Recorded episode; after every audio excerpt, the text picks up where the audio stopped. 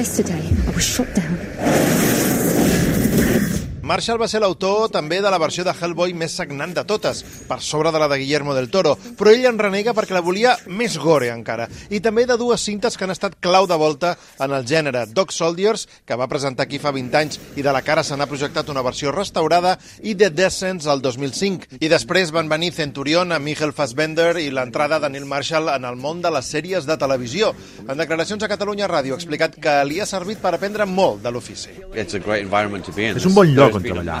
Hi ha hagut una veritable revolució a la televisió els últims 15 anys i he estat prou afortunat per ser-ne participant. Amb Joc de Trons, Black Sails o Westworld. A més, has d'anar saltant, rodar un western, ara una de ciència-ficció, ara terror, ara una altra cosa.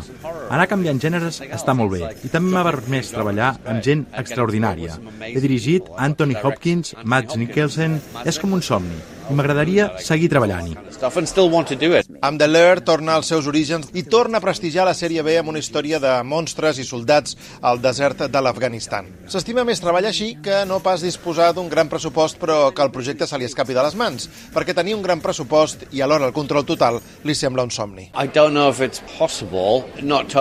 No sé si és possible, segur que no del tot. Spielberg, Ridley Scott, Christopher Nolan o potser James Cameron tenen control total, sempre que les seves pel·lícules continuïn sent grans èxits però quan tractes amb els estudis hi ha molts diners en joc.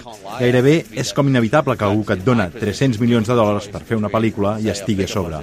Els envejo, no puc mentir, però en el meu lloc, entre tenir un gran pressupost i interferències, o un baix pressupost on pugui fer el que vulgui, em quedo amb la segona opció. Marshall és un amant dels monstres fets artesanalment i no amb efectes digitals, és un enamorat d'Indiana Jones, ha dit, i tenia moltíssimes ganes de rebre aquest premi Màquina del Temps.